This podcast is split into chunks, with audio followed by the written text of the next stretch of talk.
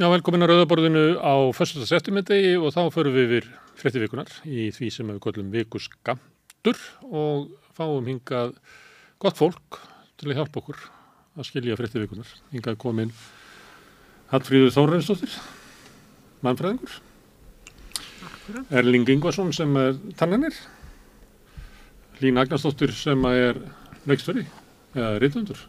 Þegar að ekki segja reytundur, já. Já. Alltaf að skipta. Þetta er- þetta er valið tilla. Já. Og Sverri Norrland sem er reytundur.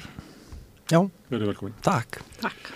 Herðu, það er frétti dagsins, það sem að margir er að tala um og er búið að vera í fréttunum er það hvað uh, Áslug Arna sagði um Svandísi Svavarsdóttur á fundi útgræmanna. Hvað ætla að segja um það? Hvað ætla að segja það? Mér finnst það bara frekar lákrulegt af henni, væga sagt. Hmm. Að snurpa hana svona í, og í viður finnst þessa hóp sem hún var að tala við, sem voru nú engir, Mennin sem eiga Ísland. ekkert léttavíkta fólk, Mennin sem eiga Ísland. LIU, form, formerly known as LIU, hérna samtök fyrirtæki sjáarútu eða hvað það heitir. Þetta var afskaplega ósmekklegt og maður velti fyrir sig sko bara, bara skortur á mannarsiðum. Þá hún sé sko ansnúin en þær eru hjandakotni saman í ríkistjórn. En það hefur Katrín Jakobsdóttir vist snurpað hana í dag. Já, já, hún tók hann á teppi í dag. Já. Eftir því sem er, mér skilst. Já, já. En hún lætur ekki segjast. Uh, Hún segir að það hefur verið tekið sam, samingi, samt er þetta bara tekið upp á teip. Hún kom með svona dæmigerða F-sökunarbeginni í dag, sem að ef Já. þetta miskildist svona ríkalega þá þetta er hann leðilegt. Sko. En þetta var svo slæmt að þarna, þessum söfnið fannst þetta auðvitað ekki fyndið. Sko. Er þetta ekki fyndið. Nei, það var ekkit mikill, Í upptökun er engin það hlátur. er engin hlátur En- eða neitt slíkt, þannig að þetta var bara pínlegt. Þetta er, alltaf, þetta er bara til marsum alveg ótrúlegan domgrindarbrest. Og maður áttu, ég er náttúrulega, dætur mín að hafa skammað mig fyrir þetta. Ég sé ungt fólk, sko, eh, það, það er alveg, maður bara hérna, spyr sig hvort það þurfi ekki að vera aldurstakmark. Af því að þannig að ef þú með fólk undir og um þrítugt, að það, það er að gera svona bommertur og, og rífu svo bara. Það, þetta er náttúrulega ekki, þetta er alltaf bóðulegt. Mann finnst þetta, þetta er svo pínlegt. Sverrir er yngstur, hérna er Já, það- ég, sko, er það ég veit ekki, ég er nú þúsund ára skumul sál, Björguðu landinu. já, sko, ég kann mjög vel við áslögu, sko, og þarna, ég tók nú við hennar það er ekki langt síðan og mér finnst með fullt af skemmtilegum hugmyndum og svona, hún er að reyna að gera nýja hluti og endurstokka upp þarna í ráðunetinni á sér og svona, hún hefur samt í árana rás nokkur sinnum á fellinu misti í sig svolítið harkalega og sagt hluti sem hún hefur verið, sko, það sem hefur verið skopast aðeins eftir á. Og henni verið sér svolítið heitt í hamsi hérna á þessari upptöku. Og ég bara átta mikið alveg hver forsagan er. En mér finnst nú að, og ég held að hún vitið alveg að ráðherrar og fullorðið fólk á sérstaklega sem er að vinna saman þá á ekki að missa svona út úr sér sko. Er þetta ekki bara mobbing? Er þetta ekki, hún, Ég- hún, er, hún, konar hún er búin að búa til einhvers konar, hérna, hún er búin að búa til glæruginningu og það er mynd af Svandísi og svo, og svo bombar hún á hana. Þetta er bara einelti í þessum söfniði. Ég meina, og það er ekki eins og Svandís hafi hérna, unni sér eitthvað til óhelgi. Hún hefur ekki verið að stíga á tætnar á þessum hérna, kótagrefum. Það er ekki eins og hún hefur unni til þess. En hún er samt búin að hreyfa við því að það. Eina litla sem hún gerði, hún, hún er eitthvað að hræri því að þeir standi fyrir máli sínu með, með hérna, eignatengst. Og það, Það Hún vill- þolir hún ekki vill- dagsins, Nei, hún hún skrifaði taka fiskveiði það. löggjöfin í gegn, er það ekki? Hún vil endur sko fiskveiði löggjöfina. Hún er með tilugur En af hverju er, er þessi, unga, þessi ungi ráþara, hún hérna Áslögu Arna, er hún, hún er greinilega að, að gera þetta til að upphefja sjálfa sig og þá spyr maður hvað, hvað gengur henni til? Upphefja sjálfa sig í þessari samkomu. Já, eða grafa undan stöðu Í bæði- svandísar í Bæði ríkistjóðinu. það og um leið a- að hefja sjálfa sig einhvern veginn upp þannig að hún, hún rísi áliti hjá þessum ákveðna hópi. Jú, jú, líka það. Það er eitthvað svoleið sem að er það kannski vorum bara, einmitt, kannski er þetta bara svona eins og þú segir, kannski er þessi 20% flokkur bara í rauninni að snattast fyrir þessi, þessa kvótagrefa og hún var bara að tala við, hún var bara að tala inn í þann hóp og held að þetta myndi ekkert fara lengra, ég veit það ekki. ég held að þetta hafi ekki fallið í kramið Nei, þetta Já, veist ekki falla í sko. kramið. Ég held að sem ég er erfitt að láta þennan hóp hlæja. Þetta er náttúrulega hópur sem þegar ég var ungur var kallað grátkorinn. Þetta, jú. Já, já, já. Ég held að það sé auðveldur að láta á gráta. Þetta er náttúrulega hlæja. En já, við skulum vona bara að, að hérna, þetta, þetta fer einhvern veginn, sprengir þetta ríkistjóðin, ég held að það sé nú svona einhverju hafi verið að pæli því, ég, mér er það stórlega til efs. En maður hefur náttúrulega fundið þetta ofta áður, þess að anduð á svandísi, sko. Um, ég ekki bara, eh, núna heldur ofta áður, það er einhvern veginn svona, að því þetta er, þetta er sterk kona sem að stendur mjög vel í báðar uh, lappirnar og, og lætur ekkit uh, fara með sig. Og ég held að þetta sé bara einhvers konar ek- bæði verið að grafa undan en svo er þetta bara eitthvað, eitthvað gamalt líka hattur Mm, sem svo eins og hafi Það erfst er svo mikið undir texti í þessu og við, samingi sem við annarkot getum, við getum ge- fyllt í eðurnar eða við höfum ekki, sko. Já, við það getum bara fabulera Þetta er eitthvað, við, við sáum inn í einhvern kema hún, sem að okkur er yfirlega ekki ætla að sjá inn í.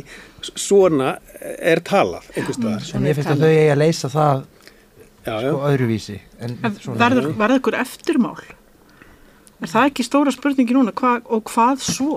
Ég meina Katrín lætur þetta ekki sprengja ríkistjórnina sko. Sko, þetta er fullorðið fólk, sko, það bara byrja ábyrða sínum orðum, það er ekki að setja hann í straff og með ekki vera ráður í viku og En, en það náttúrulega kom, það var náttúrulega var gríðarlegu skýtstormur sem að lenda á henni svandi síðan í vor þegar hún stoppaði kvalveð það, það var ekkit venjulegt. Og, og hérna, það voru margir þingmenn svastalsóknir sem að fóru gengu algjörlega göblun Já.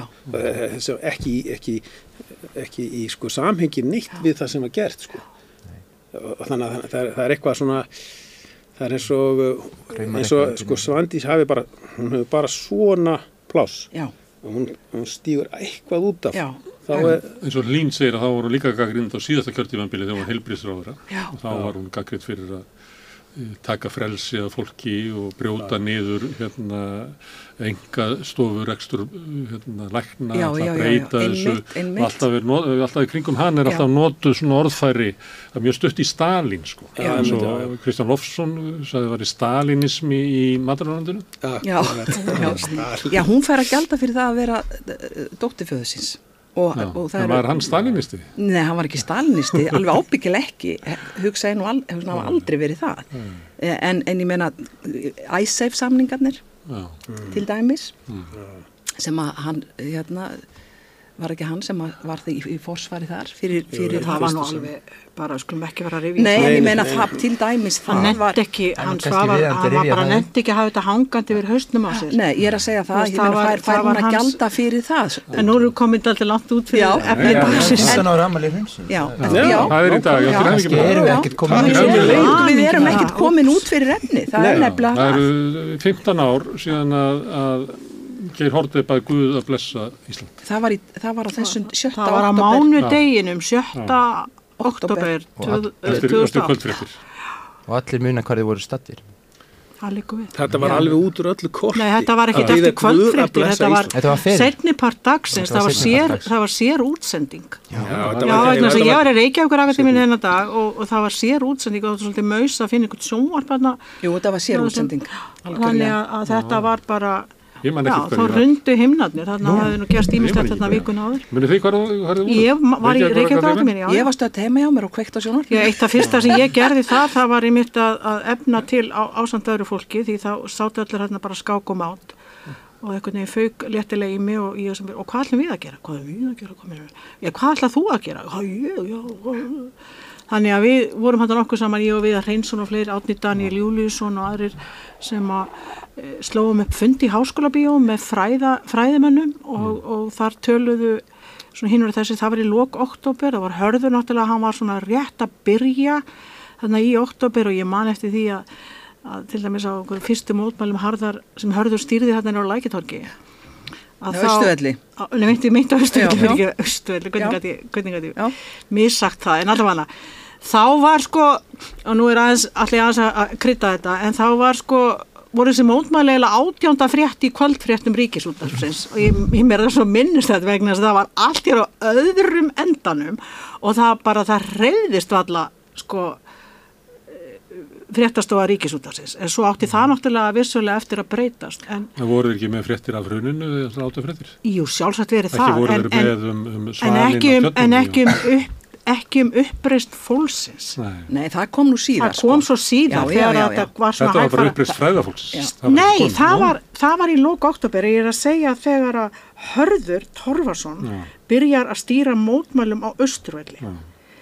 Þá voru viðbröð ríkisútasins afskaplega hægfara svo ekki sem fastara orði Já, já. kveð en það átti vissulega eftir að breytast þegar að stígandin óks og, og það fór að fjölmenna fólk þarna En mér finnst það að vera alveg spurning núna sko, að ta- í ta- talandi um þetta 15 ára afmæli hrunsins, hvar eru við eiginlega, erum við einhver staðar á, Mm. Já, það er á spurningi sem ég ætla að koma með. Já. Blessaði Guð Ísland. Já, blessaði, blessaði Guð Ísland. Ég- ég- ég Guð ég var- mammón skerði það náttúrulega Ég- ég, þeirra sem Ég satt heima og horfði á hann geir hérna, flytja þetta ávarp og ég, ég hugsaði bara hérna, hvað er að manninum? Vegna þess að eh, ég meina bankar falla og það voru búnir að vera að falla bankar og ég meina þetta er bara úrlausnar efni fyrir ríkistjórnir en með því að segja þetta þá gerðan örgulega alveg rosalega margt fólk alveg rosalega hrætt Já, gamalt En var þetta ekki bara því að hann, hafði, Tíðkast hann er að Amerikumentaður og hafði unnið í... God bless America Já, ég held þetta sé þannig, sko. Já, þetta er Ég tók því þannig að hann væri bara rosalega Já. amerikansiraður. Já, Nei, já, ég tók þetta var Já. flott að smið, bara Shakespeare sko Þetta er Já, bara, Já, svo, svo skulum við líka nú rifja upp aðra svona takta þarna og, og, og dans, dansspor til austurs. En við erum að tala um þetta núna og við höfum haft alls konar fórsetisráður og stjórnmálamenn sem við munum ekkit hvað sögðu. Við getum, þú veist, ekkit okkar geti rifjað upp orð eða setningu eftir Katrín Jakobsdóttur. En við munum öll þessa setningu. Já, En munið þið öll eftir hvað selabankastjóri þáverandi gerði? Hvað hann gerði? Já, hann ringdi austur í Moskvu. Já, hann bauð... Munið þetta því? jú, jú, við, Davíð. Já. Já, Haldið til þess að það hefði verið hugulegt núna að vera að fengi nokkra miljardar dollara lána hjá Putin? Ég var mjög verið til þessu vegna þess að það er pólsk kona sem að við þekkjum sem er alin upp í austur Pólandi. Hún kom heim til okkar eftir að Davíð tilkynnti þetta. Og hún sagði ég hérna, veit ekki alveg hvað þú gerir í samfélaginu en, en kannski er eitthvað sem að getur hlustað á þig. Reynda að stoppa þetta. Reynda að stoppa þetta sagði hún. og hún bara sá fyrir sér að ef Íslandika myndu býta á þetta agn að tryggja lán frá Pútín að það yrði bara hörmungar sem að kemja hérna yfir okkur sagði hún sem alveg upp í austur. Já. Pólandi Þetta- og ekki með þetta- góða Já. sögu af, af hérna ná, nábúli við rússar Að þetta, maður sko hugsa núna, þetta var nánast eitthvað svo, þetta var svo, sko, surrealist. Meinaru þetta, Þetta, þetta, þetta múf hjá honum að ringi En Putin. var það, Já. en var það, að, veist, það, hefur, það hefur ekkert verið almennilega leitt til leitt að hvað hva var í Hvað gangi. fór á milli þeirra? Og ég menna, það, kom, það var viðtal við Boris Beresovski á Sky News 2011 eða eitthvað sluðis. Og hann talaði bara um landsbankan eða þessa íslensku banka sem peningaþóttavela sem allir vissu um. Og svo um skömmu síðan var hann uh, látin. já, Og hérna sagt- var hann var- fórnalömbunum hann? Hann var, hann var miljardamæringur en hann var svo leiður á lífinu hann átti að hafa fram í sjálfsmort. Já, var það Hann- hann sem hann datt nú ekki út datt- glugga. Var, var ekki Nei, Þorvald Já, Gilvarsson haldaði fram að bankandir hérna hafi verið sko peninga þvóttavelar fyrir rúsa þannig að þetta er en það verður aldrei verið kannað eða rannsakað. Ekki verið staðfest. En það, en mér- það rifjaðist upp með bara því að við erum að fara að halda mótmæli á morgun á Östuvelli Já, út af, eh, út af sjókveldri að hérna, þú ert lagsviðum aðeins mikill. ég á maður um þetta. Hvað eru margir og, og, dagar á ári sem að þú ert í á? að mér finnst það ekki mikið, konunni finnst það ekki en aldrei nú mikið. En hérna, það er nú öðrum að segja sko vera búin út í náttúrinni þetta tengimann og hérna, ég að tengimann en hérna, ég var búin að gleyma þessu. Er, ég var eitthvað að googla og hérna, það var búið að e, sveitafélagi Patrísfjörði, það var búið að veita lóð fyrir rústa olíu reynsistöð árið 2007 Rú, hérna, það, það var nú bara þannig. Hérna, sko maður ég var bara að gleyma Það þessu hef ég aldrei heyrt má það var komið á fasa 2 Já. að fara að byggja oljurhreinsistöð við Arnafjörð Já, já, það var á bíldudar. Ég man eftir þessum um já. olíuvinnslu í mitt í. Já, oljurhreinsistöð já, það er alveg rétt. Það e, var, e, ég er ekki að segja sko það rússa tenging þar sko sendi er hann komið þetta var ekki einhverju? en þú veist það var virtist vera hérna Það er oft svo mikil desperasjón, svona örvænting í svona, sko, enn Já. stýrist af örvæntingu, frekar en einhverju, sko, það er alltaf hugsað, nei, ég veit að Við Íslendingar eru kannski ekki heimsmeistararnir í langtíma áallunum sko Nei. Það er náttúrulega, við erum skorpu, við erum skorpu vinnu fólk Höfum Já. alltaf verið þetta ég segi stundum, já, og það er lotugræðing sem að ræður hjá gerum allt okkur. í lótum Gerum sko. allt í Ég held það að er líka nákvæmlega. En blessaði Guð Ísland. Nei, Nei, það held ég nú ekki sko það held ég nú bara Það alls leit ekki. illa út og Guð En- hverra segi ég? Er það En Guð eins og allra við eða vittum nú Guð bara í sumra? Bjarnar Benediktsson að Já. það hafa það allir mjög gott í dag. Já, er það? Bara mjög gulegt. Hann blessaði vestmanningana, þetta Sko- fótagrefana, því að 2009 kom makrillin, takk fyrir Já. góðan daginn. Það er mjög merkilt að það er talað um að sé mjög mikill hagvöstur í samfélaginu og hérna, en samt er bullandi verðbólka og opbósla hái vextir og húsna, fólk í ríkalögum húsnæðis enn eina ferðina í þessu samfélagi. Ég Bara, nú er ég bara að horfa tilbaka á mitt eigið líf og sjá bara hvaða ringferð þetta er sem þessi þjóð fer bara áratug eftir áratug, alltaf sama farið, alltaf sami ringurinn og ég spyr bara sjálf að mig, er ekki eftir að rjúfa þennan vítaring sem fólk er í sérstaklega í sambandi við húsnæðismálun og í sambandi við, við bankalán og, og vexti Já. og Ég myndi kannski helst og líka eins og bara fyrir fólk sem er að hasla sér völl og eignast þetta eigið húsnaði í dag Já. sko. Þetta verðist bara að verða erfiðar og erfiðar og erfiðar og ég skil ekki alveg að við lifum hérna í þessu góðæri samfélagi. já, fyrst það er eitthvað sem gengur verður erfiðar og erfiðar. Já. En núna er til dæmis verðbólga, eitt að ég veit ekki hvort það hefur lesið hérna grein sem að Ragnar Þór Ingólfsson og, og hún Ástofnóa. Óstalóa hjá Hagsmunasamtkom heimilisins A- A- Ragnar, já, formaður var fer þau skrifið ansi reynd skelega og, og, og beitta grein sem að byrtist á vísi.is í dag þar sem þau voru mitt að tala um þetta bæði eh, sko, tilefna á ammali hrunsins og hvað hefur verið farið illa með sko margar fjölskyldur 15.000 fjölskyldur, það er alltaf margar alltaf það með þremur sem mistu heimil sem mistu heimil sem voru bara borin út á götuna Já. Og hverji grætt á því? Að það voru einhverjir vildarvinir þeirra sem ráða sem að fengu til dæmis lán hjá íbúðalánasjóðu til þess að kaupa upp einhverja dopi af íbúðum á eru komin á, á, á, er, það var allt eftir þessu og þau voru líka að tala um hvernig sem sagt, í dag í þessari byllandi verðbolgu að þá halda allir að sér höndum. Þannig að fastegnamarkur þeir voru að tala um að, að Ásker Jónsson Sælubakastjóri væri á leiðinu með að helfrista fastegnamarkaði því að það halda allir að sér höndum og fólk fær ekki lán og, og verktakar get ekki byggt og þannig að í framhald að því sem þú ert að segja hlýn að þá blasir þetta nú ekki sérstaklega byrjulega. Nei, þess vegna segi ég bara, ég spyr mig bara hvenar er bara næsta hrun Já, það getur bara Það komið. geti bara Nei, komið eftir það- held ég. okkur, það, það lítur allt út fyrir allt sem gangi hér svo ljómandi vel og það er svo mikill hagvöxtur og, og náttúrulega ferðamannaðinarum gengur líklega mjög Hann vel. gengur bullandi vel. Já, gengur bullandi vel líklega eða það held, fyrir held þá ég. sem eiga fyrirtækin. Já. En samt er hérna svo margt sem er eh, að, sko, annað í, eins og bara, segjum bara, sko, þessar mótsagnir í íslensku samfélagi eins og til dæmis er alltaf verið að tala um það í sambandi við ferðamannaðinaðin að, sko, hann má hann gengur og hann fær að vaksa en samt er vantar að byggja upp innviðina til þess að hann geti alveg hérna eh, dafnað fullkomlega vegakerfið og allt það. Um, en svo er ekki hægt að taka móti flótta fólki að því það vantar að það er ekki nógu góðir innviðir. Það, eh, sko, og það, þetta, þetta finnst mér alveg kristallisera hvernig pólitikinn er á Íslandi sko.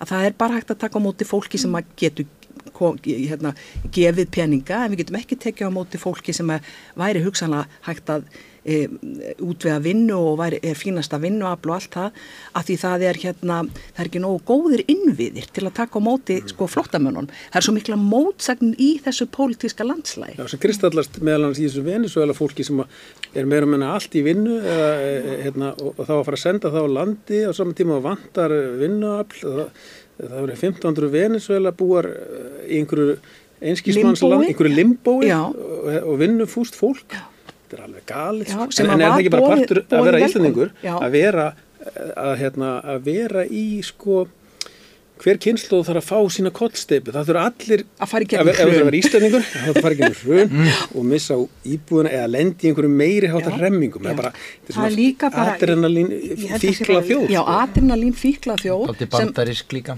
já, já, Þetta er bandarist bandarísku Það, það, trillingur. það, það, já, það, er, það er neistlan hérna, sem er kannski aðalega þetta kapitalist, þessi ofur áhersla á, á kapitalism, það sem mér finnst vera svo einkennandi sko, fyrir íslenska menningu við tala hér um menningu eins og mannfræðingur Já. að, að hérna við getum ekki þar eins og okkur sé fyrir munað að sjá lengra en til loka þessarar vertíðar ekki út fyrir vertíðina, nú aflast vel og þá bara róa, þeir fiska sem róa, annars erstu aumingi, þú veist, og það er hér, sko, en þá þessi ofur áhersla á, sko, mesta digð Íslandíkar að vinna helst, þannig er hrinni er, það er, þannig að þarna vandar eins og í ferðarþjónustuna, ég gerði rannsókn og innflytjum í ferðarþjónustu fyrir nokkrum árum og kortlaði hlutdelt þeirra þar og, og, og sem ég kallaði innflyndur í ferðarþjónustu drifkraftur, vakstar og hagsældar, ég held að geta nú allir tekið undir það, en allavega sko það er engin stefna. Og núna þetta kom út 2019, það eru fjórum ára síðan er engin stefna, það er engin stefni í ferðarmál, það er engin stefni um það að sveitarfjölu ber eitthvað úr bítum. Það er, það er þannig að nánast allir ferðarmenn sem koma til landsins fari í árnesíslu það Já, virkt svo en býtu skemmtilega þú ert að tala um ferð, ferðamanniðina en við vorum áðan að tala bara um, um, hérna, um hérna, sjókvíja eldi Eldi, já. Er, það, það er alveg sama það Já, ég er að segja það, það engin, það er stefna. það er engin stefna það er engin, e, Jú, það er, stefnan er svo að þeir sem eru með sjókveildi með að bara græða eins og þau vilja. já, það en hverjir eru það Það er sami það er, Þetta er það, stefna. það, stefna, en ég menna það er engin hugsun í þessu fyrir einhver, það er engin, hei, fyrir heildar hagsmuni þessa þjóðfélags. En er ekki bara sama gamla, svo þegar eitthvað gerist að þá bara, þá rettum við því. Það er bara, þú veist, þá bregðast við, við erum svo góð að bregðast við. Þetta Sko- lagseldistæmi, Já. hérna kallast á við sko 90 ára gammalt mál sem var innflutningur á mink. Já, Já. Þegar minkur á flutturinn, þá var, ég la, ne, pældi mig einhvern veginn gegnum gamla þingræður og það var bara sama. Það var bara, þetta verður ekkert vandamál. Þetta, minkandi slepp ekki neitt og þetta verður allt í fína. Og, og það var flutt, fluttur í hindi minkur og síðan hefur náttúrulega, það tók hann 20 ára að nema allt landið sko og náttúrulega verður aldrei söm eftir. En þessi menn þurfti ekkert að svara fyrir það. Þeir eru allir, þeir eru allir döðir og þetta var bara, svo, svo, núna er bara, erum við með nákvæmlega sama, með framandi dýr sem er norskur sjókveldislags í einhverjum massa kvíum hérna, fyrir austan og vestan og það stendur ekki stein yfir steini og maður er búin að horfa á þetta í einhver hérna, 6-8 ár.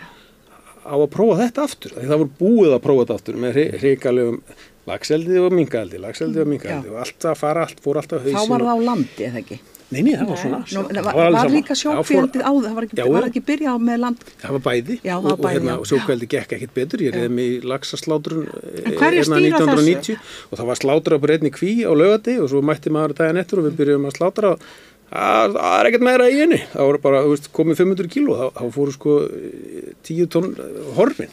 Þannig að þú veist þannig að það er ekkert nýtt sko. Þetta, þetta var, en þá var það íslenskur lags sem var alinn. Og við með norskan lags það, er, það er það sem er svo hættulegt fyrir.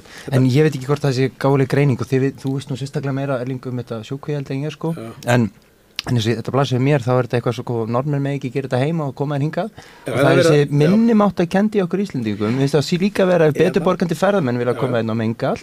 Þá með það að gera það. Af því þeir hafa áhuga á lítið að landinu okkar sem er allt í einu hluti af heiminum. Á það sama með sjókvíhaldi en, en meira eins og hlínur að segja algjör skortur á stefnumörkum, Já. bara null Já. Já, en það er að því að við erum svona vertið að Já, eða sko ég myndi segja, ég hérna, hérna, bara segja ykkur það, að ég fyrir nokkrum, já, svona 20-30 árum, þá skrifaði ég grein, ég var svona fastu penni í, í tímanum, hérna, hérna, da, dagur, tímin, da, dagur, Dagutími. dagutímin, já, og þá skrifaði ég grein sem, fjall, sem hétt reynilega bara áhuga manna þjóðfélagi í Ísland. Þetta er amatör samfélag. Ég meina við erum, þetta er allt rekið á einhverjum, þetta er amatörismi. Sko það er svo amatörismi í svo mörgu hjá okkur já, já.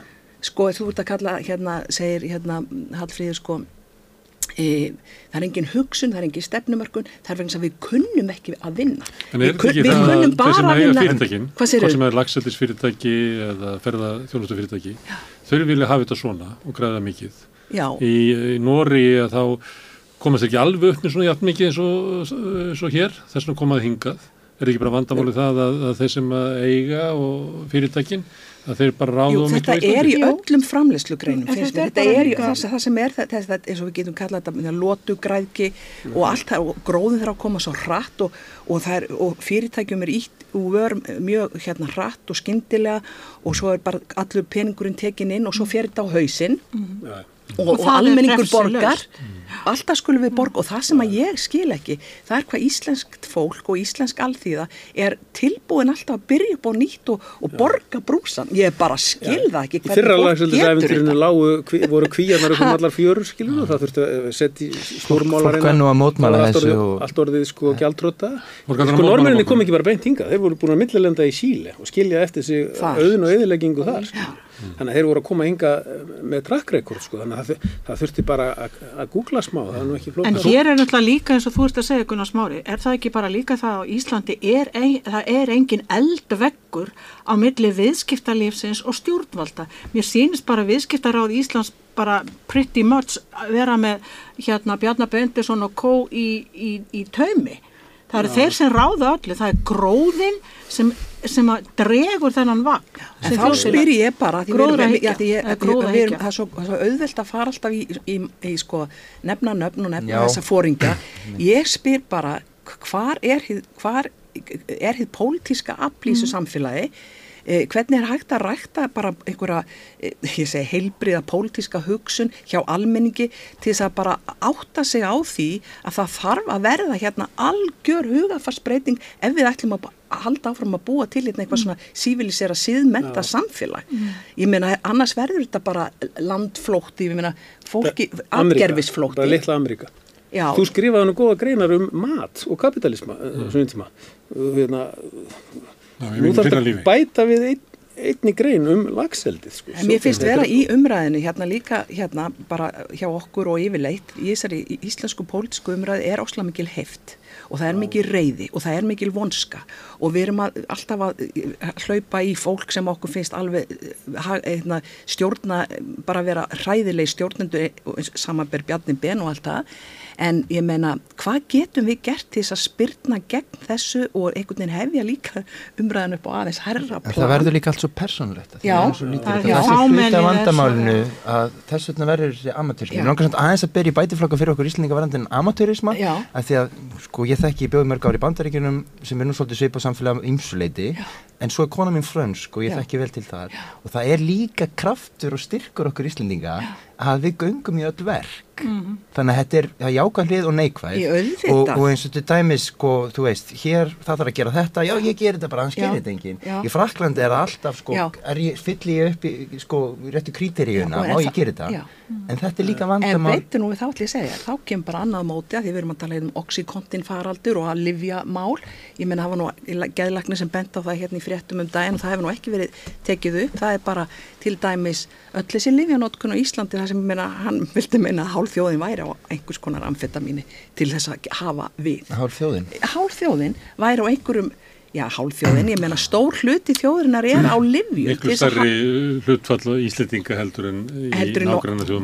Nema kannski í Bandaríkjunum. slagar upp í bandaríkjum og, þetta- og ég meina við erum auðvitað eftirherma af einhverju bandarísku Já, sa já. samfélag, við höfum tekið miklu meira af bandarískum Í kúltúr og inn í okkur í bara já, já, að- annað veðurfar. heldur en eitthvað frá, frá, frá Skandinavíu sko. En ég fylgdist einmitt búin að fylgjast með þessum oxykantin faraldri í bandaríkjunum núna í mörg ár og hefur orðið verra og verra og verra og, og það það er náttúrulega orðið algjörlega hræðilegt ástandar sko. Ég hef ekki, ég bjóði í New York en ég hef ekki komið þarna síðan uh, bara fyrir COVID, fluttum spurt akkurat á réttum tíma. En félagið mér var þeim svo ferð þarna um vestuströndina og, og hún bara brá sko, hvernig ástandið er orðið. En það er nú líka búið að vera, ég bjó nú sjálf í New York í mörg ár og það var rosalegur, skelvilegur krakkfaraldur þar í mörg ár. en það var búið að reynsa það upp en það er Já, vest, hún var, það það var vestnað allt aftur hreinsað ástandið sko, það á, sko. á, á, in the 90s. Já, já. Það var, sko, borgin var eins og einhver blaðmaður orðaði það, hún var, hún var, hann kallaði hana Calcutta upon Hudson. Mhm. Hún var hryllileg. En, en ég held að við þurfum ekki Þetta er náttúrulega margkvæmt verra. en við megum ekki vannmetið það hérna, við megum ekki alveg fordómum hvert þessu heldur. Ég gerði þarna þátt á ráseitt upp á nýtt eh, þarna fyrir nokkuru og þá hel- helgaði ég þátt einmitt umfyllur með výmiðefni og nú var kveikur með svona svipað já. umfyllur mm. og hann bjarni og ég held að það sé óbúslega mikilvægt að tala um þetta á svona upplýstan hátt sko.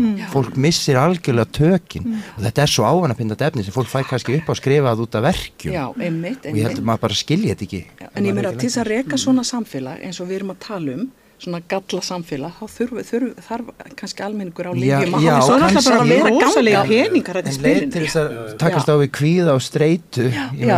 Samfélagi eins og í bandaríkjunum sem að öryggisnetið er ekkert og fólki er svona stressað og, og svo er alveg náttúrulega á einhvernum fréttum af fræðilegum hlutum stöðu auðvitað ertu alltaf sko Já, já, fullu kvíða. Já. Þetta er náttúrulega ekki lif sem er gefinu kvíða og Nei, nei, þetta er gefið við verkjum En ég er nú að tala líka um bara al- almenna við tala um oxykonti sem er verk, en- ver, verkjalíf og allt og ég veit ég, þessi faraldur sem þú ert að tala um ég, maður hefur séð núna bara myndir af þessu fólki, Já. það er bara skelvilegt og það eru bandaríkin og ég meina við erum e, a, a, svona eins og, eins og lítil e, einhver smá mynd af þessu en ég er bara að tala um almenna lífjanótkun í. Já, já, samfélaginu já, já En ég, sem að hefur aukist gífurlega. En svo held ég líka að streyta kvíði og svo verkir og, og, og, og eitthvað svona allt- bálíkanlega allt þetta tengist, Tengist allt allt. sko. Þetta er alveg, þetta er alveg rétt þér. Þetta er byrtingamynd einhvers sjúks ástands. Já, einhver sjúks ástand í samfélaginu sem, sem að Hallfríði sagði á hann að þetta er ósæðlega neyslu drifið samfélag sem að, og, og einhvern veginn hefur, hefur, hefur kapitalistunum tekist að setja okkur öll á þessa galiðu og á þennan kla, En ég er svo sem ekki klafa. vissum að það sé einhverjir kapitalism sem eru með það agenda endilega sko en þú veist Nei, það er hag, en- það er ekki einhver, þetta er ein, einhver afleiðing af einstaklega heldur bara kerfi. hagkerfi hefur þróast eða samfélagi hefur þróast En svona. ég tek líka rosalega mikið eftir því að, að sko hafandi búið líka á meginlandinu og svona og eins og vinni minnir í Fraklandi þeir tala ekki svona mikið um húsnæðismarkaðinn og, Það er að- því að og það, svona er það í New York líka. Fólk, að eina sem fólk talar um þar er sko svona improv comedy, það er svona uppistand og húsnæðismarkaðurinn Já. og að því að í bandaríkjunum átti ekki að vera vitsmun að vera lengur nema þú sett líka fyndin sko, það má ekki tala um Þegar húsnæðiskostnaðin orðið meir en hvað, 30% Já, já, þá- af ráðstöðunatekjum, þá þá, þá ertu um þannig að það. vera kvíði. Vegna þess að Já. Það snýst bara... Ég var bara- allt annar í New York, ég var alltaf að mótmæla og alls konar pólitísku aktiviteti og skemmtilegheitum og York er reynda voru húsnæðismálin Ég var nú reyndar mjög að því líka, Trump á kosin Já, en þú veist, En talandi um húsnæðismarka, þá var ég að kveðja mann hérna á hann og hann eh, var eitthvað, skildi ekkert í því að hverju Íslandika var ekki búin að rísa upp og ég var eitthvað að segja, ég botna ekkert í því heldur, það er eitthvað svona hérna, velseldar fróða hérna yfir út af hérna, ferðamannaströymi og svona eitthvað fróða yfir, hann er erfitt átt að segja hvað ástandir í samfélaginu. Hann sagði að ég hérna bý, fæ að bý, búa hjá vinni mínum, sófanu þar. Já, og ég á ekki þú veist, efnaði að borga 300 krónur í leigu. Nei. og þá segi ég við hann "Nei, þóttu kemur með 300 krónur þá er ekki vist að fá húsnæði það var einhver að segja það frá því um daginn hann auðlisti húsnæði til leigu. Og það voru 700 sem sóttu með segni íbúð. Já, já. þannig að Það er þú lítið ekki einu sinni vandamann þannig. Nei, og og þetta er bara raunveruleikin sem er hérna í Reykjavík. Já, og það er náttúrulega vegna þess að ferðamennir teppa líka í það íbúðir er og það er stjórnleysi á efsta Já, hæðan hlýn. já, já, ég Það veit er engin, það Ég- er engin stjórn. Ég er að segja að þetta er ákveð stjórnleysi náttúrulega algjör stjórnleysi. og aftur komum við að stjórnleysi er amatúrismi.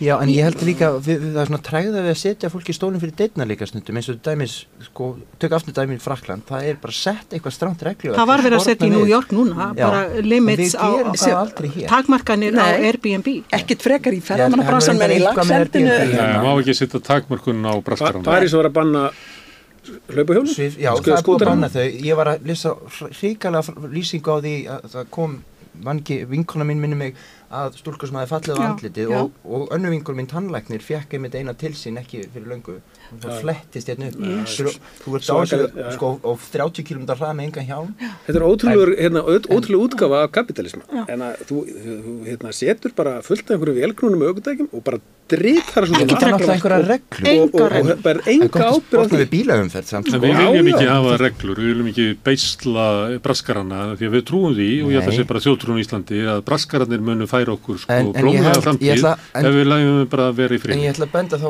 bröskurunum og þeim öllum á það og sem bara rítuundur sem hlín að reglur eru þarna frjórjarðögur fyrir hugmyndir.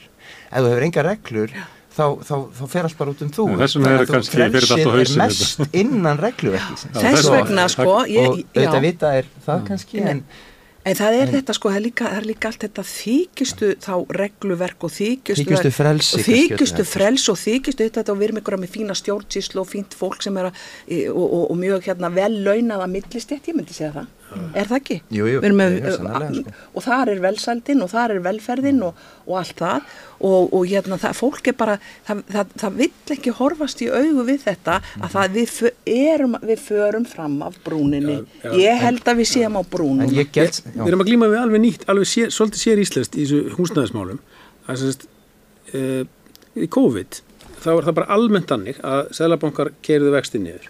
Íslenski Sælabankin gerir það líka og, og, hérna, og uh, það er hægt að gera það kröfu til mann sem að er Sælabankastjóri á Íslandi, að hann þekki Ísland, Ísland og íslenskar aðstæður. Og, og það þarf ekki að, ha- hérna, það þarf engan sérfræðing til að vita það að þegar að Íslendingum er bóðið upp á 2% vexti á húsnaða þá mun eitthvað eh, einhverju hólskefla fara að stað. Og það fóru allir og ammaðira í að skuldbreyta, í að framkvæma og gera og græja. Og það var til sér íslensk húsnæðisbóla, hún er alveg sér íslensk og það sem er sér íslensk líka er að hún, hún snjóboltar sig yfir í verbulgu en það er sér íslensk húsnæðisbóla með sér íslenskri verbulgu Já. Þess vegna eru við í þessari stöðu núna. Það var líka, við skulum ekki gleyma því í COVID-inu að þá var þetta líka þessi, þessi opnun á fjármagn til fólks til þess að gera við var líka til þess að skapa atvinnu og það var tekin sem fólk fekk endur greitan allan virðisauka. Við til dæmis í blokkinu sem ég var heimi, þar sem er 31 íbú, við fórum í stórfrangandir. Við fengum allan virðisauka af allri vinnu endur greitan. Þetta voru vissu fjárútlát en það voru löngu komið og það hendaði okkur ákvæmlega vel. Þannig að það, það, eru, eru margar hlýðar á því, hins vegar man ég ekki betur en að Sælabankastjóra hafi verið bent á að taka í taumana, Nei. því það var alltaf bara geðveikislega var svona svona á að búa, bregðast við greppu á að búa til einmitt, leiðir til þess að þú veist skapa einmitt atvinnu, við nýttum okkur þetta dæmis gerum við þakið, getum gera Já. við en, en, en bara á öllum sviðum þú veist, öruslega þarna en líka bara í menningu öllu, í staðin fyrir að frista alltaf allt og halda þessu höndum þú veist, það bla, blasir það ekki við Jú, Það er nú verið bent á að vera okkur óréttlætt í þessu að það voru þeir sem áttu pening sem að gáttu búið sér til palla og þetta er nú talað um að mikið af þessu peningum að fari bara í, í einhverja Garðabæinn. sólpalla. Já, en er það ekki þeir sem alltaf- að bytnuðu harðast á uh, atrúlisi sem var í COVID og síðan verðbólgunum eftir er fólk sem á ekki peninga til framkvæmda til þess að geta sótt einhverja vaska. Mér Og svo, og svo til að kóruna hérna, rugglið, að þá kemur núna selbankastjóri og segir að hérna, þessi staði komin upp, fólk getur bara að fara í verðtrykt. Hann á náttúrulega ekki að gefa vel með ráðleikingar Ég meina, ég segi bara, Hann ég meina, já, þessi maður fekk séns, eh, eh, hann, En hann, hann var hann í hruninu sem við varum að tala um á hann og sagði eitthvað sem var bara steipa og svo kemur hann núna og hann er, þetta er eiginlega, ég finnst þetta að vera búið. Ég held að hérna, eh, eh, þetta er þannig eh, bommerta. Ég meina, ég ekki- spyr bara, er hægt að treysta einhver í sambandi við íslensk bara efnahagsmáli eða íslenska peningastefnu? Ég meina, ég, ég, nú bý ég, að- er ég flutt til Svíþjóðar og ég flutti til Svíþjóðar vegna þess að ég sá fyrir mér, ég gæti ekki alveg skipulagt mig bara efnahagslega hér. Ég bara gæti það ekki, ég gæti ekki lifa alveg á mínum eftirlaunum, nú er komin á eftirlaun og, og það, um- en um leið og ég, leið og ég kem til Svíþjóðar þá er- allt, allt sem get ég skipulat mig, ákveði hvað ég ætla hvernig, hvað reikningarnir eru háir og hvað ég þarf að, nota í mat og svona, en um leið og ég kem til Íslands þá bara fyrir allt úr mér. Ég bara ræð ekki við böndunum það er svo bara að lifi sjálfstæða lífi. Kannist þið eitthvað við Ég, þetta? já, já, aldrei heyrt af hverju tekst okkur ekki að verða eins og hinn Norrlöndin Já, ég meina, og það er vegna þess held ég og ég er bara alltaf að segja að ég, þessi króna er, þessi gjaldeirir okkar, við lifum í einhverju, erum við ekki í einhverju sér bara peningabúblu hérna? Jú, en það má alltaf ekki hreyfa við henni vegna þess að það er ykkur öfl í þessu samfélagi sem stór græða á krónunni. Já. Það er bara Útgerðin? deginum, útgerðin til dæmis, já. Já, er það ekki fleiri? Jú, sjálfsagt. ferðarþjónustan. Já. Æjá, mm. það blasir við Það blasir við að einhver, það er ekki almenningur, það er ekki en almenni launþegi sem, að- sem að hagnast á því að vera að fá, út, fá borg, útborgað í óvertriðri krónu, Nei. borga húsnæðislán í vertriðri krónu, borga, borga af höfustól lánsins og borga vertriða vexti og borga vertriða vexti og höfustól á lánslánum og, þetta ekki, þetta, og nefni. það alveg svo er. Þetta er Það svo gæti verið að þeir sem óskiljanlegt. ætti pening, að þeir hafa þá stöðu að, að þeir fá alltaf góða ávustun á sínum peningum. Já, í, þú nefndi Svíþjóð, það eru neikvæði stýrivexti Selabankans. Eru þeir jákvæðir? Það Já, þeir eru eru orðnir- 9,25% stýrivextir í 8% verðbólku. Þeir eru náttúrulega komin upp í fjö- fjögur pró- 4,5%. Já, en 4,5%. verðbólkan er meiri í Svíþjóð. Já, já, já. Þannig En það er eitthvað að efnahagstjórninni, sko, Hérna er þá sem er með yfirdráttarlán á Íslandi borga kannski 8% jákvæða vexti fyrir það að fá að, þú veist, eitthvað sem er með 500 skall á heftinu sínu. Það kom fram í vikunni hvað landsmenn eru með á yfirdrætti og það eru 100 miljardar. Af yfirdrætti. Sem eru á sko kannski 8% jákvæðum vöxtum, sko umfram en, en ok, Þannig að það er bara 8 miljardar ári sem bara 17% vextir. Þetta til En bankana. þetta til dæmis eins og, eins og Ragnar og fleiri, þessi ásta var að benda á í dag, er að það er engin krafa af hálfu yfirvalda að þeir setji böngunum einhverja skorður. Þeir reyf, þeir bara mala gull Já, þeir í þessu gull. ástandi. Og- Þeir mala gull og eru svo siðlausir þessi stjórnendur, ég verð bara að segja það. Því það, anna, það er ekki hægt að fá annað út úr þessu reiknistæmi. Þeir græða og græða og græða og græða. Já, takið eftir að gjald getur verið tekið meðan á símtali. Það er alveg sama, þú getur ekki hrefti og eins og dæmi sem kom hérna fram í ykkur bræðrum en daginn þegar Sigurjón bróðin hafi verið að færa yfir af einum reikningi yfir að annan var svo rukkað fyrir eigi vinnuframlag. Þessi já, já, bankar eru botlausir og það er auðvitað er það yfirvalda að setja einn stólinn fyrir dittnar og segja nei, nú er ástandi svona nú er hérna, sko, það, það, það blóðmjólku hérna alþýða fólks og er að borga heiminn hafa vexti. Nú verður þið bara gjöra og svo er að herða sult, þið bara geta ekkit grætt svona mikið það engar skorður sett. Mér finnst, líka eitt mjög Engar merkilegt í sambandi við að því að tala um lá, lántöku fyrir húsnæðislán og bara Íslendingar náttúrulega eru mjög duglega að taka lán en það sem að mér finnst líka alveg stór merkilegt og maður sjálfur náttúrulega hefur var í þegar ég var í því hérna í gamla dag maður komst ekkit áfæran um að vera með yfirdráttalán sko, ég meina að, eins og við erum að tala um þetta 300 miljardar að fólk, er ekki? 100 milljarðar. 100, 100 miljardar er fólk, Íslendingar með í yfirdráttarlán. Af hverju e- er svona mikil þörf á yfirdráttarlánum bara yfir höfuð? Kannski á bara ekki fólk fyrir mat út Já, mánuði. ég, man, ég, til mjög nýtt Ég- betur en ég, það var einhver könnun kannski er orðið eitt eða tvö ár síðan þar sem að fólk var spurt ef það kæmi óvænt upp þú lendið dæmis í einhverju njaski mm. þurftir að borga og það var ekki há upp það var 30.000 krónur eða eitthvað óvænt um mánuði hefur efna á því að myndi að sne koma snertaði mjög illa og, og, og það var sláandi hátt hlutfall fólk sem sagði já bara, ég, hef nú sjálf verið í þeirri stöðu innmitt að- að vinnandi sjálfstætt og, og hérna ótrygg einkoma að sko eitt dekkundi bílnum var bara wow, býtu hvernig ræði ég við það? Og, það, og batnafjölskyldur það sem eitthvað úst, það, það, þetta kerfi er eitthvað það er eins og að sé fólk er á stjættafélagin hafa verið að benda á þetta að, að láluna fólk getur ekki ráði við 80.000 króna auka útgjöld það er bara ómögulegt Ég held að það varða að komi, komi Já. fram hjá henni að það sé bara helmingurinn af þeim sem að starfa við restingar sem Já. að En ég held að láluna fólki sé ekki endilega það fólk sem er mest í Nei, yfirdráttalánum. er Þau það- fá ekki yfirdráttir, Þeir sko. fá- ekki er að fara yfir í, sko, hvað heitir það, smálán Já. og borga Já, kannski, sko, nákvæmlega. 30% Já. Er það ennþá til? Að að er að yfirdráttalán sem við erum að tala með þessi stóru yfirdráttalán, það eru neyslu lánin sem fólk er í. En það er að- náttúrulega líka fyrirtæki sem taka tímabundin yfirdráttalán sem að er að fleita þeim yfir ykkur daga eða vikur og svo, Já, já. þú veist, það er alls konar svoleiðis er inn í þessu líka. Já, já, þe- sko, Bankandir eru með svona eins og séu með bara sórör í, í, í, í mænunni En akkur, akkur setja yfirvöldum ekki neina skorður? Við, fórum að staða vilja fyrir það. 5-6 árum með fundaherferðum hérna, fengum hérna þjóðverja og hérna bandarækja með til þess að kynna fyrir okkur hugmyndina um samfélagsbanka. Mhm, og, ég og man það komið svo óvart hvað, hérna, hvað var hérna lagst harkalega á hérna gegninni, það var, ba- það var bara eins og svandís með kvalviðbanni sitt, það, það, var- það var bara, það voru allir sótar, aftar og sótar til þess að lýsa því hvað þetta væri fáránleg hugmynd og þetta væri hvergi svona og þetta mætti ekki. Og hérna, fjármálaráður leiðst það, fara bara í kastlústátt og halda Blaðra- kortes ræðu um það í einhverju drottningavittali að þetta stæðist ekki Evrópureglur og, og, og spyrillin let þetta bara lagó.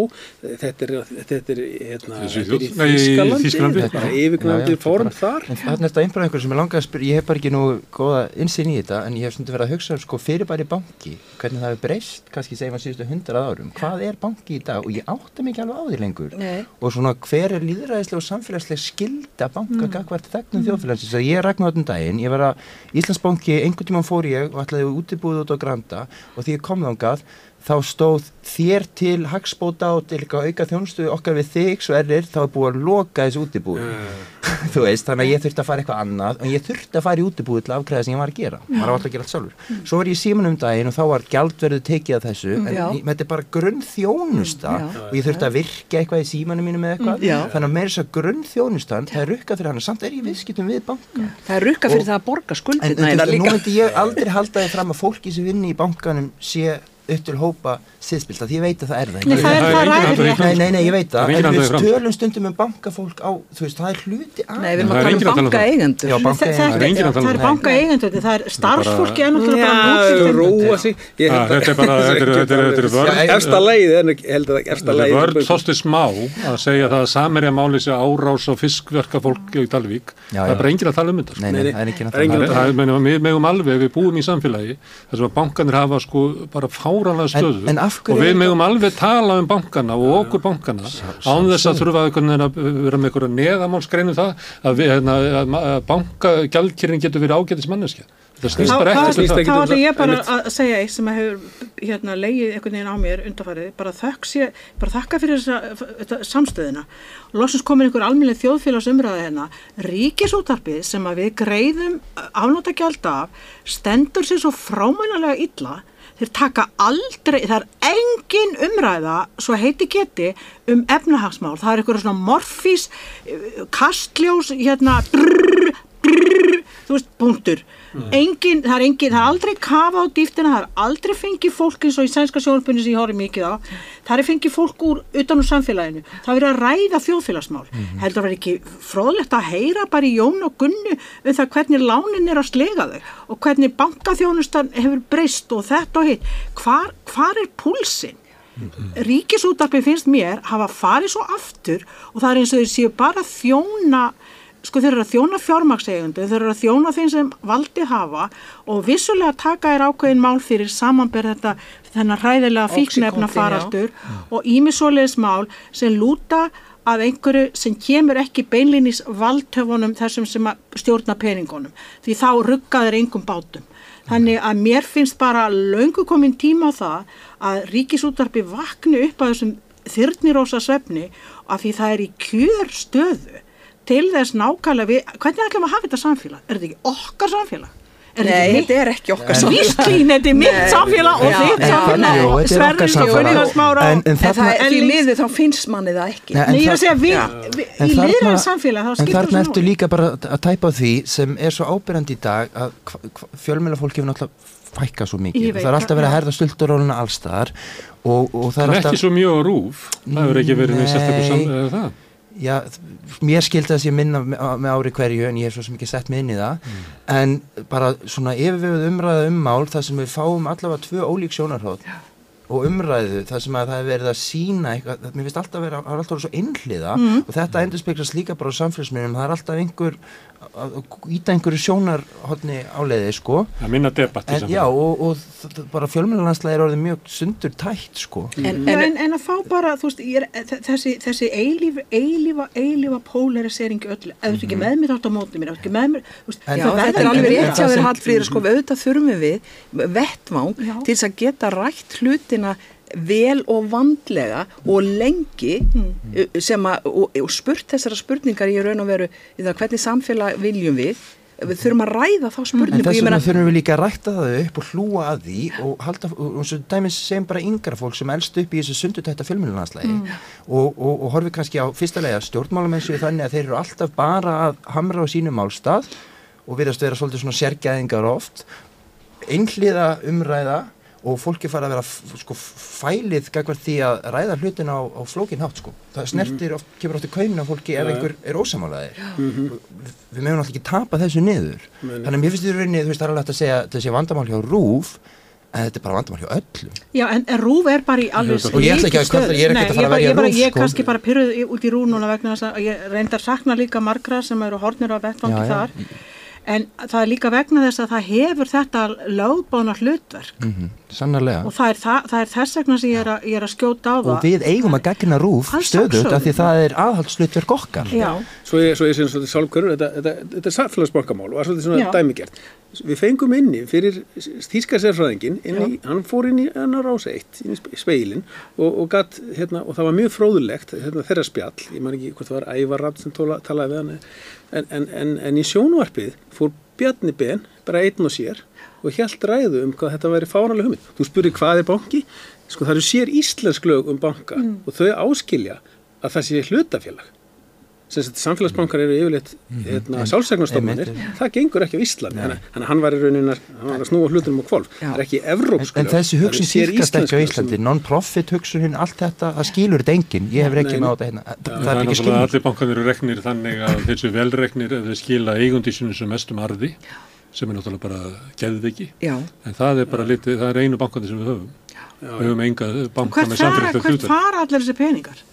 til hlutafa, argreifslu Já. Nei, ég meina Það- þeir- og í þeir- náttúrulega eftirlega sem er á það er reglulega sko, tvisar árið, þá skrifa ég frétt um það að, að hérna, hver er hagnaður íslensku bankana sem hlutátt landsframislu og það hefur verið svona tvö, stundum rétt undir tveimur og slæri upp í 2,5%.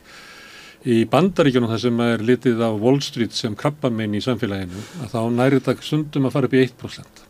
Einu sinni gerðist það í Nóri að hagnaðu bankana fór held ég upp í 1,2% og þá var auka fundur í þjóðþinginu það sem hafa kallaði fyrir bankastjórandir og þeim var látið lofaði að gera þetta aldrei aftur.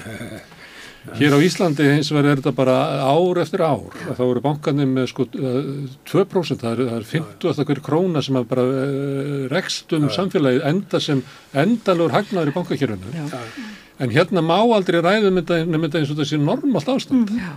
Og, og við kollum á hérna, fulltrúa frá bönkunum og greiningadildunum til að segja okkur hvernig efnaður væri. Vil ekki fá meiri hækkun hjá sælabankunum verður ekki hækkun 0,25% svo við fáum ennþá meiri hagnað. Þannig að, að einhverju kannski að þeir verður svo fá að við látum svolítið skrýpalegt samfélag. Viljum að við viljum ekki horfast í augu við það. Þannig að við látum svolítið eins og þetta sé normalt þetta sé bara í lægi, þetta sé eiginlega eðlilegt að banka hér við sér svona. Heitir, e- e- e- þetta þetta kallast á þessu margt sem við erum búin að tala um hérna. Sko eins og hérna, þetta hérna, er þetta ekki það sem að Gramsci skrifaðum cultural hegemony, þú segir þetta er best, þetta er, svona er þetta best. Sagt, og, og, hérna, og við endur skjörum bara söguna ef eins og þetta hrun var ekki hrun, þetta var fjármála krísa Já, Eh, þetta er bara eins og Putin segir um þetta sko, þetta er bara, hérna þú, sérstök all stjórnar- finna bara Já. upp ný, ný, ný, Kemur svona newspeak newspeak. En það sem, það sem er líka hérna í eitt af einkjánunum okkar er líka kannski eða smæðarinnar vegna, ég veit ekki, en það er, það er óbúslega mikil áhersla á konsensus. Þú veist, þú getur eiginlega ekki, sko, fólk verður, það, það veigra sér við, það, það er alltaf þessi áhersla að með að vera sammála um eitthvað. Þú veist, að þú verður að vera með þeim í liði, þú veist, ég hef stundum fengið að heyra, þú þú er mótöllu, þú Það er svolítið þessi sverrir er að tala um sko. Já, Já, Þetta er hann búið í Fraklandi þess að menn geta Já, ég þeir bjó í tala saman. Frakklandi. Það er fólk svo gaman að því að tala saman? Já, það er að bara þjóðar í Já, Já, já, líka taka ofta því sem persónulega höfnun Já, eða já, eitthvað reyna- Algjörlega og það er svo sorglegt vegna þess að og ég mann dreitni hérna innflyndakonu sem ég var að tala við í, í, í, í, í, hérna, í rannsók sem ég var að gera og fyrir henni blasir þannig við að sko við veirum okkur svo við því að konfrontera og segja hlutina eins og þeir eru. Mér var þetta mjög fróðlegt. Og veistu hvernig hún upplifði þetta?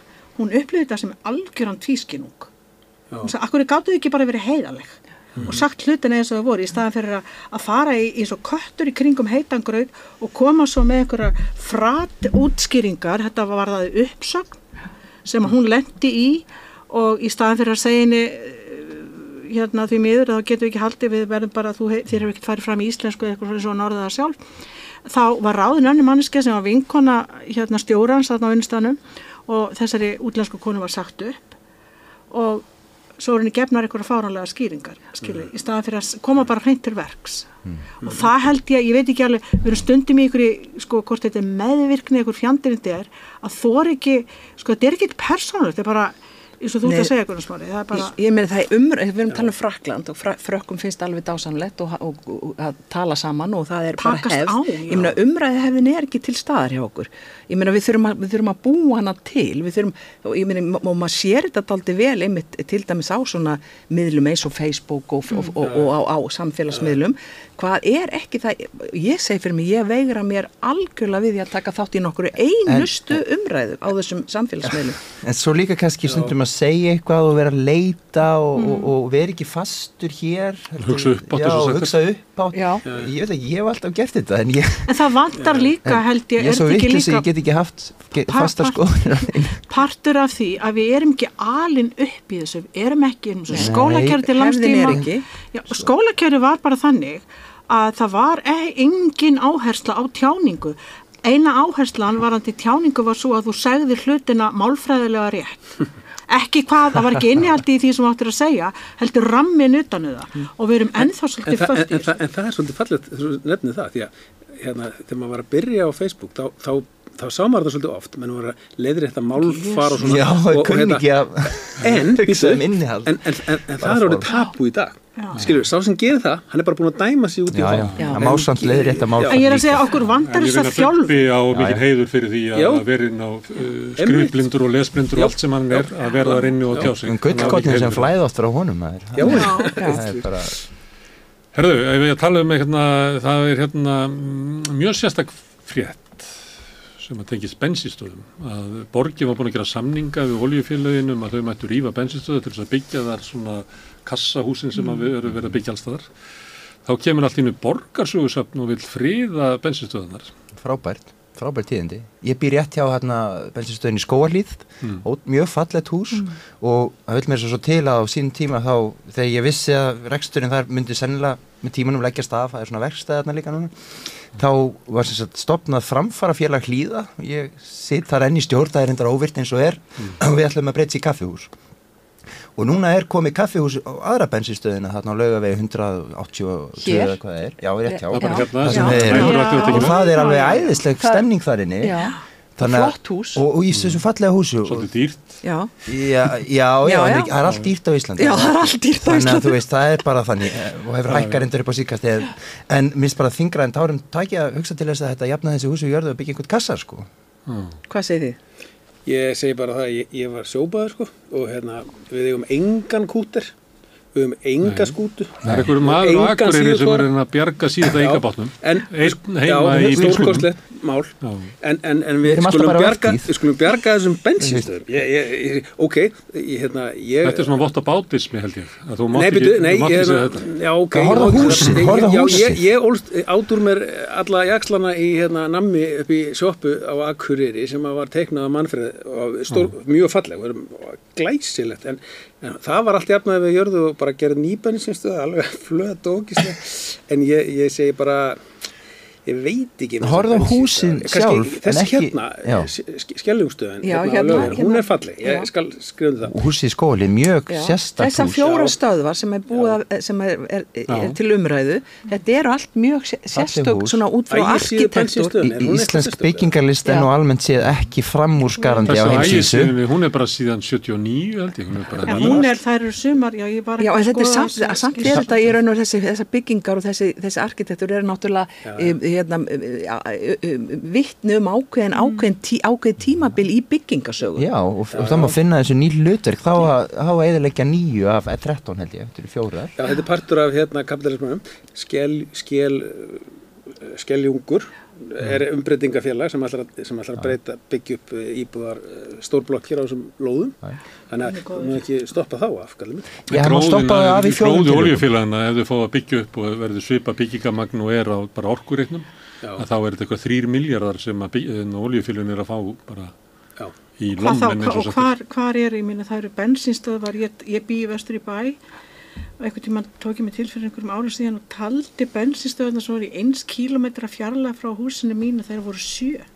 Já, þetta er alveg gali. Er En við erum ekki að tala um bensínstöðvar, við erum að tala um um... Þetta verður ekki tilteknar húsi. Þetta verður eitthvað annað sem að og Hleðslustöðvar. dæmis við vorum að hugsa með þarna í skóalíðinni það getur verið kaffihús, svo getur þetta verið svona eitthvað viðburðarými eða einhver svona hverfis miðstöð, það sem það er þetta að hafa þú veist, ég veit ekki, einhverja vinnustofur þú veist, sérstaklega, kannski um helgar fyrir fjölskyldur og krakka og hvað sem er Er þetta En líka er þá, eitthvað- hvar er, hvar er hérna er það ekki íslenska menning, hvar er íslenska menning, menninga fyrir bara sjoppa? Ég, það er horfið, það var, það var ég sko Sjoppan Ég er meina, er ekki hægt að hafa sjoppuna þarna líka? en sko Með- Nei, nammi? eins og án, ekki bensin, ekki bensin.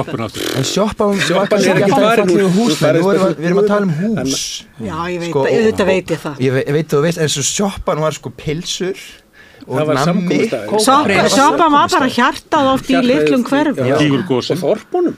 Og samúr, já, já. Já, og þorpunum. Og Eros.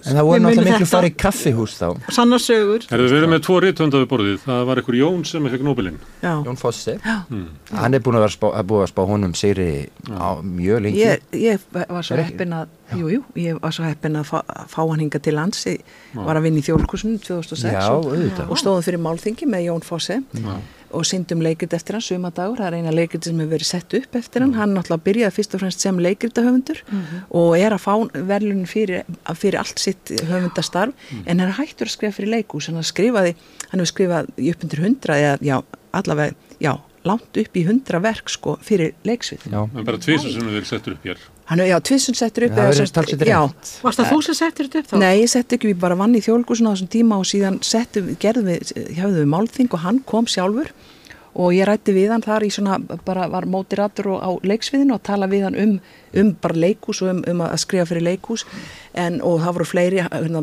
útgefandinas og umbósmaður sem er sænskona Berit Gullberg eh, sem hefur eiginlega komað um á framfæri í sem, sem, sem leikskáld út um alla Evrópa, hann er mikið leikin í Fraklandi mm. til dæmis En svo hefur hann algjörlega snúið sér að skáldsagnarskrifum og er... Og, mjög sérstakar skáldsögur, stuttar Já, og, og hann er með alveg sérstakann stíl og, alveg, og skrifar á nýnorsku og er, er Sem mjög... að þykir eh, með ómerkilegri tungumálum í heiminum. En, en, Hverjum finnst það? en, en, en, já, Ég spyr bara. Eitt, eitt sem er rosalega sérstætt við stílinn hjá hann með svona stuttu skáldsögum, það er einhvern veginn svona tíminn svona rennur svolítið saman Já. en svo er hann líka, hann notar svona frekar takmarkaðan orðaforða Já, já, og endurtekningar. og er, er og líka svolítið mystískur og lýrískur og svona, ég menna við, þetta er nú bara bókmyndafræði, bókmyndafræðileg umræða Já. en hann, hérna e, mér fannst þetta mjög skemmtilegt að, að þið er þessi frétt Sko, komið í ég, ég, ég, ég, að að að alltaf tala um hann hverju ári, ég Já, ekki en þetta já. var En af hverju er ekki settur upp hér? Er, er Íslands leikur svona lélegt að missi bara af þessum stórhöfundi? Já, það er búið að gefa út sex bækur eftir hann Já, já. Já, sko að að- Hjalti en það hefur einhvern veginn, já, Hjalti Ráksson Hann hefur líka leikhús. eldi leikrið, hann bara, hann Gerist of lítið í Nei, veistu, þetta er ekki, þetta á ekki bara við um, um, um Ísland, það eru fleiri sem að, ég held að Danir þólan ekki. Hvað þykir, erfiður? Hvað- Nei, nei, hann Ég er, að er alls ekki erfið, hann skrifa mjög einfaldan, einmitt einfaldan texta, hann er ekki, það er engi skrúðmælgi og það er ekki, ég meina hann er, Ég veit til dæmis að hann, Hallgrimur Helgason fyrir minn, honum finnst hann leðilegur og, ég og einhver benda að er ekki hægt að hugsa sér ólíkari höfunda en Hallgrím Já. sem er svona alltaf sem er svo Já, skrautlega og orðheppin og allt það. Og Jón Fossi, hann, fyrir þá sem þekki hann ekki er bara að mynda sér alveg á hinum endan Já, en algjörlega. þetta getur verið frábæri höfundur og, og bara gjur en ég man þegar ég las Jón Fossi fyrst þá bjóð ég mitt út í New York og ég var þarna í lestakerfinu Já. og var að lesa hann þar sko og það var einhvern veginn svona sláandi kontrast við umhverfið og Ameríku sko Já. þetta einfalda Já, já. svona mál En svo er þetta okkar maður, hann er eiginlega svolítið tengdur hérna Vesturlandinu á, í Noregi sem, sem að Íslandíkar komið frá. reykja, reykja ætti sér Já, einmitt, og hann er, hann er, hann er, Nýnorskan og líkari. Það er ekki inn fyrir hann er, nei, hann, já, utarlega. hann er, og mikið af verkunum hans fjalla einmitt um þarna Vesturlandið í, í, í Norri. Já, já, og um, og um, aftur í aldir og svona, svona flakkar Já, já, og um, um, um fólkið sem, og landsbyðina Og lífsbaráttu fólkið sko. hvernig er hann í, hvernig eru, hvernig er staðans í Nóri og Norður? hann er mjög viltur, já, ég man ég sátt um að viðtala við hann það sem hann hafi fengið eitthvað svona sk- skáldahús að búa í í Nóri, þú tekki þetta kannski Já, já, jú, hann, að þeir, sko, norsk stjórnvöld leta hann hafa Já. bara hús í Oslo. Já, hann bara svo hann gæti bara verið, já, já, svo hann Já, já. gæti bara sínt þessu. En En, ég held sko, að- svíjar hafa verið rosalega duglegir að þýðan og koma hann á framfæri og hann þakkar svíjum, núna náttúrulega fer hann Nobelin, en hann þakkar svíjum mjög, sérstaklega þessari konu, Berit Gullberg, sem í raun og veru komunum á, hún var, bara, hún var bara með verkinans í tösku og var bara á ferðalagi um alla Evrópu Já, já. að hann á framfæri Hatt- og hún kom hingað til Íslands til að reyna að sannfæra okkur um það hvað hann væri þess er frábær eiga svona engil til að ganga En akkur fá, fá ekki íslenskir höfundar Nobelin? Já, það er nú spurning, Já, það er alltaf verið að spá það, það kemur einhverju kannski að því einhvern tímann. Þarna, en hann Snæbjörn Argrímsson fyrir bókaútgefandi og, og rithöfundur í dag, hann skrifaði mjög skemmtilega fæslu um Fossi á bloggsíðuna sína Kaktusin Já.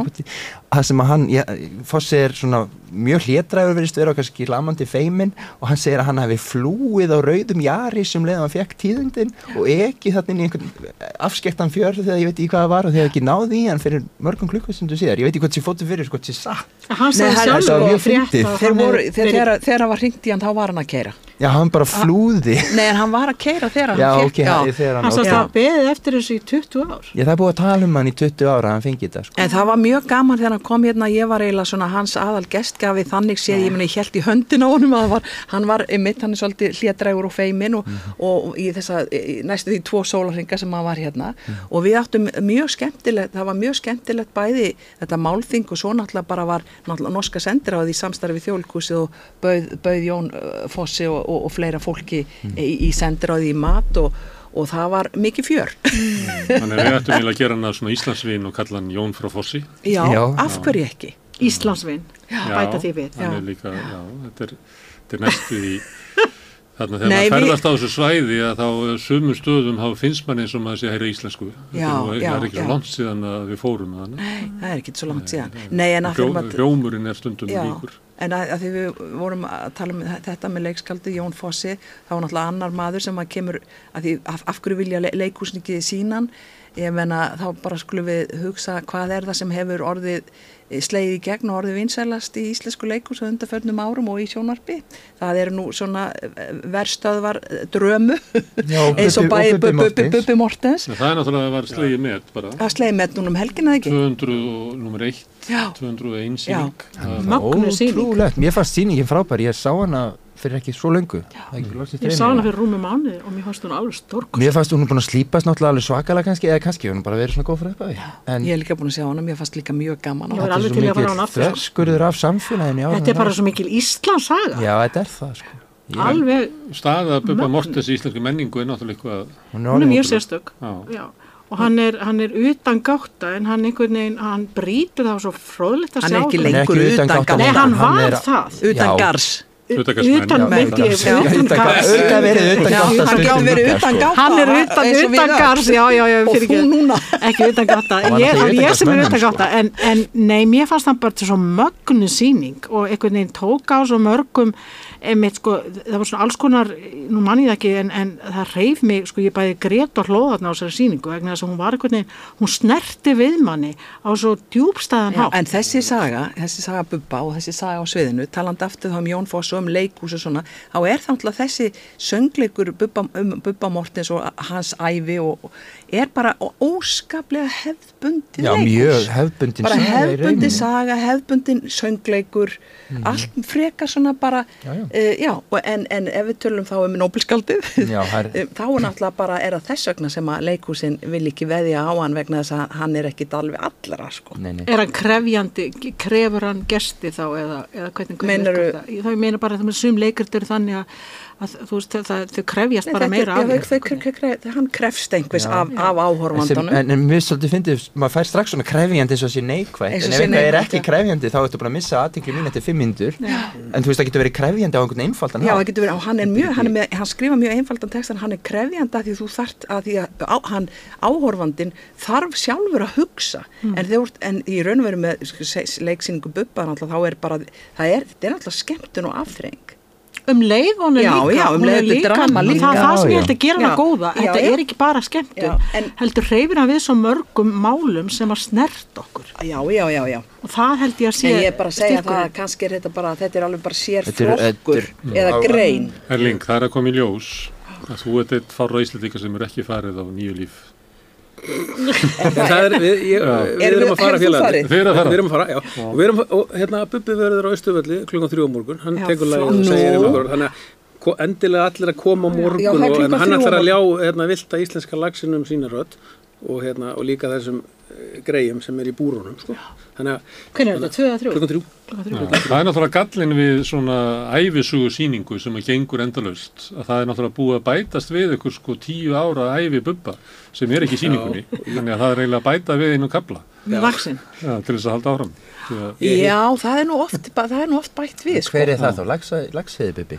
Já, lags, eh, það er bara Bubbi eftir hrun. Ég meina, Já, það hann er nú að- það er hann er stóra aðeins. saga hvernig hann hérna, fór út úr þessu hruni og, og vann sig upp og, Já, það kemur og í leikritinu. klóraði sig já. tilbaka það komið í er 100%. Erling, ég verð að segja það þú, ef þú ætlar að vera hérna, taka þátt í samfélagsumröðu í Íslandi þá verður það að sjá Já, ég á alltaf þrjá til sex daga á ári með Bubba Sko, að Bubbi er ég- er- þjóðhetja, ég er- ekki Að? Er Bubbi þjóðhetja? Hann er Já, hann er kannski komin þangað í dag Er það ekki? En ég held Ég er að að hann er mjög núna. umdeldur í áranar Já, en er hann ekki kominn í dag, En í dag hann er hann Svimbóttur Já, hann er komin Jú, jú, hann er þar hann í er dag sko. að Hann er þar í hann dag Já. á svo mikið hann, hann hefur verið svo óhrættur við að hérna, skjóta bara beint. Og, og hann á svo mikið á góðum textum sem að sem að, hérna, sem að kjarna einhvern veginn uh, Ísland og Ég held að sé bara orðið mjög samþýtt hvað hann er hæfileikar ykkur sko. Þú veist, það er bara þannig. Það er ekki umdelt lengur en það blasir það við En svo er hann líka, sko, eitt styrkur hans finnst mér líka að vera sá að hann er, hann, sko, hann sjálfur sér trúr, en samt er hann, sko, hann hefur skipt um skoðun og hann er óhrættur við að viðkenna að hafa gert mistök. akkurat Og það finnst mér Já. alltaf svolítið, hann er líka gefið sterkar rödd sína ýmsum húmar, góðum það er bara eitthvað svo, þú veist, að geta, eh, hérna, gert Viðurkennt það, já. já. geta viðkent það, það er ekki allir sem geta það. Svo Nei, hann það? hrikalega góður Var hann alltaf þannig? textaspil Við, það er svo fallið til bubba, við fylgjumst með Hefur og þroskast. Já, mér þar allar Öskraði gat á myrkrið Bubba? Öskraði gat á myrkrið. Hérna, þetta á þessi maður er er. Jú, Ég meina það er kannski kom, ekki Jó, óvart að hann texta, gert hann er náttúrulega verið að semja allar tíð hann er frábært Ég, man að ég, ég held úti svona fréttabrefi sem ég leslistin í tvö ár með Kára. Finnsinni félag mínum og þá tók ég einu svona viðtal við Bubba fyrir það og ég man sko að flæðir frá honum sko svo ljóðrætt texti sko. Já. hann kannski bara skrifa síman sinna og það er endalust svona það er það sem mér svo tilbúið til útgáfu og setja með honum í, í góðu tómi skilur Hann- að, hann á bara að leyfa kvöldin þessu að flæða, og er hlusta á sögurnar sem að þessi maður kann að segja Hann er skemmtileg, er rosalega ótrúlega skemmtileg. skemmtilegur. Ótrúlega skemmtilegt þetta sem þú taðir, tókst við hann hérna fyrir ára. Mjög skemmtileg. Herðu, fýtna enda á Bubba. Uh, Kæra þakki fyrir komuna. Hallfríður, Erling, Lín og Sverrir.